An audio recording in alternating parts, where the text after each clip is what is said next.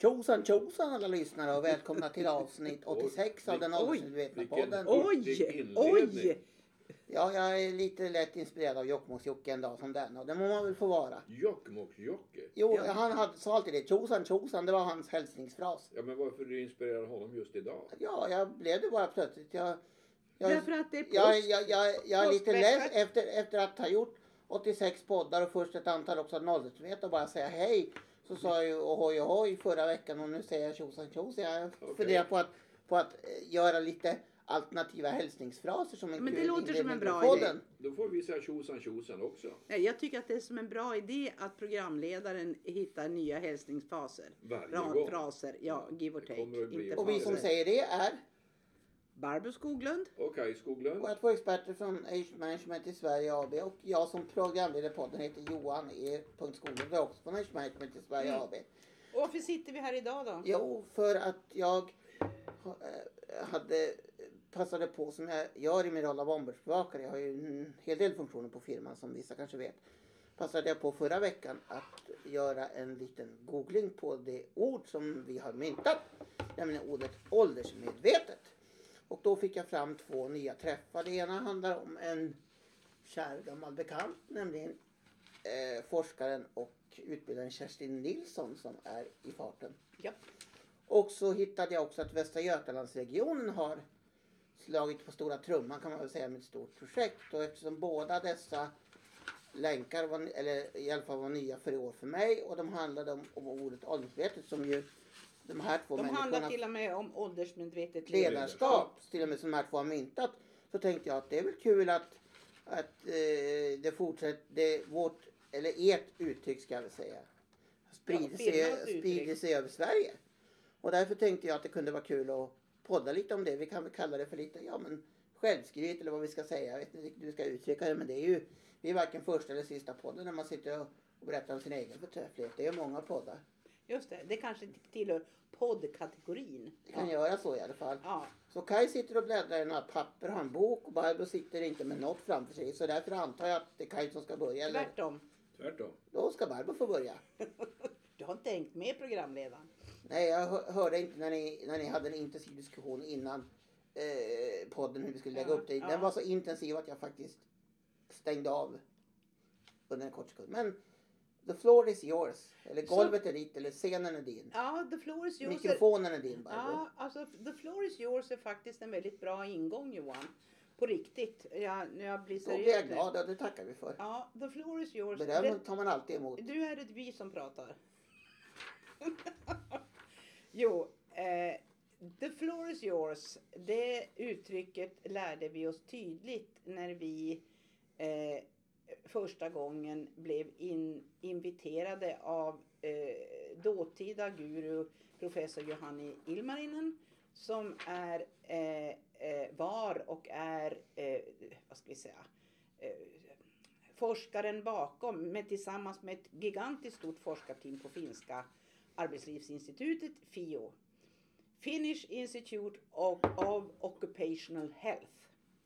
Eh, och det var du Kaj som sprang på det här på en föreläsning hösten i oktober, hösten 2000. Du ringde hem till mig och sa det, jag, det är något helt fantastiskt. Då jobbade inte vi tillsammans i firman. Vi hette faktiskt inte Age Management i Sverige AB. Eh, utan att vi hette någonting annat men vi arbetade parallellt du och jag.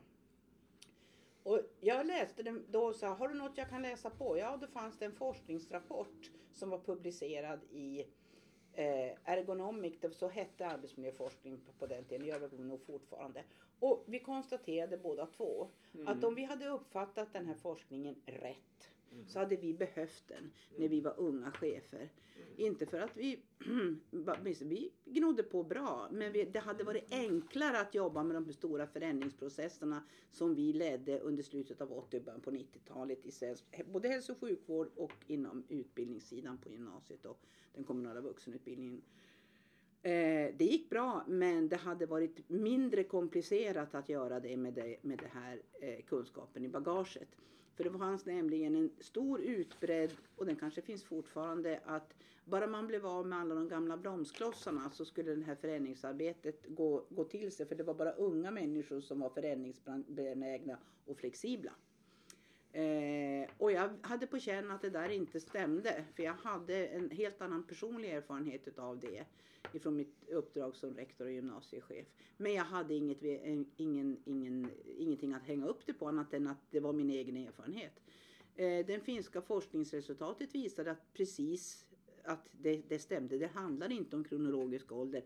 Det handlar om andra, andra delar. Man är inte, man kan säga så här kronologisk ålder är ingen bra eh, eh, vad ska vi säga? Mått på Mått arbetsförmåga. på arbetsförmåga. Inget bra mått. Inget, nej, precis, inget, nej, bra mått. Jag tänkte så det blev en fel, fel grammatisk groda, eller det blev en grammatisk groda där. Sorry for that. Men i alla fall. Eh, och det startade vår resa med det här. Av, av flera anledningar. Vi blev adopterade. Vi träffade ju Johanna Ilmarinen den 8 december, det kommer jag fortfarande ihåg, tj- hösten 2000 i Helsingfors. Och det slutade med att han bjöd in oss till detta första forskningsseminarium i Sariselke som var i mars 2021. Och där var vi praktikerna, det vill säga inte katterna bland hermelinerna men däremot vi var praktiker Bland teoretiker. brandteoretiker. Och då lärde vi oss nämligen att när man skulle det, the floor is yours. Ja, Och så var man väldigt artig när man dis- diskuterade och sen så fläskade man till med kritiska eh, synpunkter på kollegorna och så vidare. Men vi, lärde, vi blev adopterade till den här forskarfamiljen som de praktiker vi är. Det vill säga vi skulle göra verkstad av de här forskningsresultaten som var väldigt eh, slående annorlunda. Det resulterade i att vi reste runt och gjorde en massa eh, sådana saker. Plus att vi då upptäckte, vi, ja, vi, det här har vi berättat i andra poddar tidigare. Men vi upptäckte att ordet age management var för, när man googlade på det så hamnade man ofta på eh, produkter som skulle motverka, alltså skönhetsprodukter som skulle motverka åldrandet. Och även kliniker i USA Ja. man för dyra pengar kunde, Piffade och kunde rejuvenated. Alltså det finns ett dåligt, det finns ingen bra svenskt ord för det, men föryngrad eller sådana här föryngringskurer och piller. precis. Och det var väl Eh, inte riktigt vad vi sysslade med. nu tycker jag vi har kommit vid sidan Nej, vi har inte det. Intressant. Nej men vi, jag ska bara avsluta med det. Och då bestämde vi oss för, och det är 2003, det var en ganska lång intro. Vi måste hitta på ett svenskt ord. Vi måste hitta på, vad är det? Och vi funderade och funderade. Och till slut, vad är det här? Va, vad handlar det här om? Jo, det han, kärnan är den närmaste chefens egna värderingar och attityder till ett, ett, eh, sitt egna åldrande. Och vi har jobbat bara med kunskapen kring det här. Inte med attitydfrågan. För vi tror inte att man kan säga god dag, god dag, du har fel attityd. Men det är en annan podd. Eh, och då bestämde vi oss för, efter många om och men, att det handlade om att ett åldersmedvetet ledarskap, det vill säga en kunskapsmassa, vad som på, på, vad, vad som kan påverka ålders, eh, arbetsförmågan i, i form av kronologisk ålder och vad som inte kan göra det. För det drällde av myter och hittepå i, i det här sammanhanget. Och då så blev det. Och det första vi upptäckte Johan som omvärldsbevakare, kommer du ihåg vad det var? Det var i, i Finlandssvenskan där man skrev en rapport kring det här som skulle till, till eh. Där använde man, det hade liksom Ja, satt sig det först i sig till Finland. Åland och. Island och lite olika ställen. Ja. Och nu upptäcker du då, och du, du har, brukar ju googla Ja, jag lite regelbundet va? nå- nå- det är inte så frekvent att det kommer nya träffar Nej. så jag brukar googla Så man kan säga någon så gång var här. tredje, andra, tredje månad. Vi upptäckte det här 2020 nu, 2023. Mm. Eller 2000. 2023 så är det nu i två, eller ja, man kan säga en stor intervention kan man väl säga. Och det är den du ska berätta om. Så vi är ganska stolta kan man väl säga över detta. Det som är det intressanta är nu, det Kaj ska ta upp vad som är, eh, ja, hur det här går till nu. Ja, ska jag Det, fortsätta? ja, det var en lång ingång. Tack. Feel free. The Eh, floor is yours. Oh, thank you man, thank you man. Eh, när jag sitter och tittar på det Johan har hittat på västra, eller på, på eh, vad heter det? Västra Götalandsregionen. Västra Götalandsregionens hemsida finns något som heter åldersmedvetet ledarskap och mentorsuppdrag. Mm. Det är nämligen så att i januari 2020, det är alltså för, för Två år sedan. två år sedan, tre år sedan till och med blir det nästan. Mm. Så beslutade personalutskottet att godkänna en rapport som heter Senior arbetskraft i Västra Gö- Götalandsregionen. Och då har man nu tänkt till ett par år och kommit fram till att vi ska arbeta för att vara en attraktiv arbetsgivare där yngre och äldre medarbetare trivs och stannar kvar. För att göra detta Eh, för att göra detta arbetar vi med åldersmedvetet ledarskap, attraktiva arbetsvillkor och genom ett pilotprojekt där seniora medarbetare är mentorer för yngre kollegor. Eh, och sen har man då en introduktion till åldersmedvetet ledarskap, några korta filmer, det finns just åldersmedvetet ledarskap, det seniora medarbetarsamtalet, jag ska återkomma till det, och lite annat. Och, så det, här med, och det här pilotprojektet, mentorskap i senior kompetens, det ska bedrivas fram till 2023, ja det pågår väl nu, och så ska det utvärderas 2024, det är tvåårigt och ja, det är ett stort projekt. Det första som slår en är att från att man inte har gjort särskilt mycket av det här så plötsligt blir det här jättestort och jättemycket. Risken är ju Vänta, du menar man har inte gjort Ja. det? Vi har inte sett så mycket. Nej, nej, det är precis. Om vi tar fallet Västra Götalandsregionen, Mm. men det är ju, skiljer ju inte dem från andra arbetsgivare. Annat än man successivt under några år nu bara inse att vi kanske behöver försöka behålla en del av dem som annars går i pension. Eller få en del att jobba kvar lite längre på olika sätt och vis. Men nu blir det här jättestort. Och det ser jag som ett problem. Risken är att det blir alldeles för stort och att man börjar då uppfatta det ute i verksamhet. Ja, det måste ju vara så att de här äldre medarbetarna de, de har väl nog problem. Det, man, man, det står inte så i det här, men alltså tolkningen kan bli det. Eftersom vi måste satsa så mycket på mentorskap och en massa andra saker för de äldre medarbetarna. Då kan det bli en backlash. Jaha, de, de, de, det är problem med dem. Eller- inte alls behöver vara. Nej, eller det jag, får jag, jag ska bara kort kommentera. Mm. Det här att, att ha eh, äldre medarbetare som mentorer till yngre är ju en gammal favorit i repris. Och då brukar vi sätta upp ett varnande, eller ett varnande finger och säga så här. Man måste välja, det är inte den kronologiska åldern som gör en person lämplig till mentor. Utan det är hur den personen ser på arbetet idag och på vilket sätt man arbetar och så vidare. Därför att annars så kan man överföra värderingar och attityder som inte arbetsgivaren vill ska fortsätta. Man måste vara noga med vem man utser som mentor. Det är liksom Jo. en... Och här, är- här har man gjort seniora som en grupp. Och det här gör ju också att det som det absolut mest centrala och viktigaste det är chefernas, närmaste chefens egen, och framförallt kunskap om hur åldrandet kan påverka arbetsförmåga, både positivt och negativt. Det riskerar ju att försvinna. Och framförallt, ja men nu ska vi ha 175 mentorer. Ja. Då får ju de sköta det här med, eh, och då ska de bli kvar i arbetslivet tack vare att de får vara mentorer. Återstår att se vad som Och jag måste det. bara Mm. komma in med en liten kort kommentar. Eh, 2000, ja vi ska se, jag tror det var 2003 var det väl tror jag det var. Eh, Jo, tror jag också det var. Så jobbade jag en kort period på ett callcenter och då var det så att de som hade jobbat där i sex månader, de ansågs seniora för att, för att det var så hög personalomsättning. ja. Bara en sån sak. Sak. Men nu sitter du och bläddrar inte i de här Jo, papperna utan nu sitter du och bläddrar i en bok. Ja, då sitter jag och tittar på just det här från Västra Götalandsregionen. Man har nu lanserat det seniora medarbetarsamtalet. Och då med ett litet leende på läpparna får jag väl ändå säga. Så tar jag fram en bok som heter Innan kompetensen försvinner av Barbro Skoglund och Kaj Skoglund. Utgiven på kommunlitteratur 2009. För 14 år sedan. Och så slår jag upp sidan 37. Då finns det ett avsnitt som heter Målsamtal på temat arbetsförmåga. Ja. Och det handlar om att identifiera medarbetare med en förändrad arbetsförmåga så tidigt som möjligt, egentligen oavsett Oavsett. ålder. Mm. Och här finns ju redovisat vad det är för faktorer som kan påverka arbetsförmågan.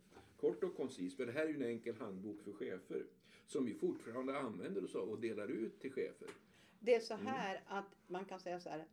eh, Vi har väl gjort x antal, ja, Ja. jag brukar säga runt 80, mellan 80 och 100 eh, kvalificerade arbetsmiljöutredningar. Och i ja, nästan 100 procent av dem så handlar det ju om arbetsförmåga på olika sätt och vis. Och då den sammanfattande eh, kompetenskartan för hur man ska beskriva en medarbetares arbetsförmåga oavsett om man är chef eller medarbetare. Eh, det kan man göra förhållandevis enkelt eh, om man använder sig av den, de, de här delarna. Och det är, det är alltid en aha-upplevelse oavsett Mm. vilket auditorium som eh, lyssnar. Eh, och, och det här betyder inte att det här att det, det vi vill, jag förmodar att det du vill varna för Kai, Ja, det här är att, ett, att sådana här stora projekt ja. ja, har en tendens, om man inte följer upp det, och framförallt pilotprojekt, av att handla på På projekt Kyrkogården, ja. Just precis. Därför att det projektet får ett eget liv och det är oerhört svårt att dra slutsatser utav vad någon annan gör. Därför att det här handlar om eh, ja, andra saker Men det, det som slår mig när jag ser den här boken, som vi skrev då. som vi Mm. skrev då. Vi var ju, som jag konstaterat nu, vi var säkert 15 år för tidiga. Minst. Det är idag den här boken, för den blev aldrig någon storsäljare. Nej, nej, nej. Det är idag den skulle verkligen behövas och göra nytta. 15 år senare Ja. nästan. Det tycker jag är intressant. Nej, de var ju fr- framför sig och det var ju, det var ju så här, den första boken vi skrev, det var, den gjorde vi på eget bevåg. Det gjorde vi sommaren 2005. Ja. Eh, då satt vi ute på vårt eh, numera permanenta boende men eh, då fritidshus och skrev den.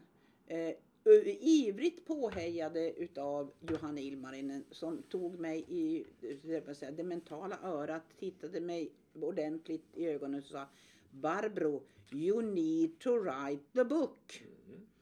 Och det var kanske i maj tror jag någon gång. Vi var på någon gemensam konferens någonstans. Berlin tror jag. Eh, och eh, då hade vi ju rest tillsammans med dem i Seoul apropå 2003. Då när du jobbade där.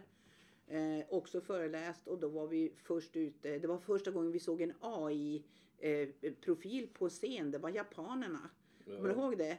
Som Nej. hade det med sig när man protesterade. Vad, hur skulle man klara äldreomsorgsutvecklingen? Och då rullades det ut en, en liten AI-gubbe, gumma, figur.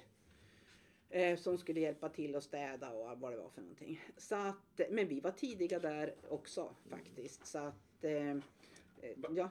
En sista kommentar till det här. När jag sitter och läser igenom det här med målsamtal på arbetsförmåga vad jag kan in, och de praktiska tipsen vi har till både medarbetare och chefer. Så slår det mig att det här är ju som perfekt när man som arbetsgivare ska hantera en av de senaste föreskrifterna från Arbetsmiljöverket, nämligen APS 2020:5. Ar- Anpassning. Individuell arbetsanpassning. Mm. Ja, jag nöjer mig med detta. Jag, det ska bli spännande. Jag hoppas verkligen att det går bra i Västra Götaland, även om man kan ha lite, vissa dubier, ja, som vi har nämnt. Men som sagt var, det är ju väldigt roligt för oss att, om än något sent ur vårt perspektiv, att det här nu börjar dyka upp på allvar. ja, det är ju jättekul. Det är Ja, vad hade du för kommentarer till den andra ämnet? Alltså Kerstin Nilssons artikel i Kollega som vi också skulle kommentera. Nej, men den, den var bra. Den var helt... Eh, Vi träffade ju henne. Kerstin är ju Hon har ju utvecklat en egen modell, Schweiz Ja, ja, eller vad den kallas för. Jo, men vi träffade henne när vi var nere där någonstans och då satt hon nu i, i, i Malmö, det var några lokaler vid Turning Torso. Just det. Och nu, hon är professor nu på i Lunds universitet. Ja. Det, jajamensan, hon, hon har gjort sitt. Vilket ju vi konstaterade. Hon, hon är ju en typisk forskar eh, role model höll jag på att säga. Nej men så här går det till. Det lärde vi oss när vi var gäster i, de, eh, i de här forskarsammanhangen. Man tar en viss del ifrån en kollega och så, så utmanar man den. Man, man går vidare på det. Man gör sin, sin egen twist eller vad vi ska kalla det på det. Och så hittar man likheter och olikheter och så gör man så. Så ser det ut. Så, så det här är inga... Det här Sen har hon är, då, hon är kunnig, men sen har hon ju expanderat kan man säga. Det, det som vi kanske inte tycker är riktigt age management för Nej. så till exempel analys av privatekonomi. Har jag råd att gå i pension? Ja. Vill jag byta jobb? Och det är klart, det är viktiga aspekter. Ja. Det är ju någonting som eh, stora arbetsgivare ger råd och stöd till medarbetarna. Men det är liksom inte en del i det som vi kallar för, för åldersmedvetet ledarskap. för, framförallt är det ju så här att det är ju ingenting som första linjechefen som är, är, är, som är målgruppen för Mm, om, om man ska de som ökade sin arbetsförmåga enligt den Mm, finska mm, st- långa studien. Eh, det, det, men anledningen vad de drog igång var ju den demografiska Ja, ja. utmaningen och precis det hon nu pratar om. Det vill säga, har jag råd att gå i pension eller Jo, inte? För det har ju jo. funnits min, gärna från 55. Mm.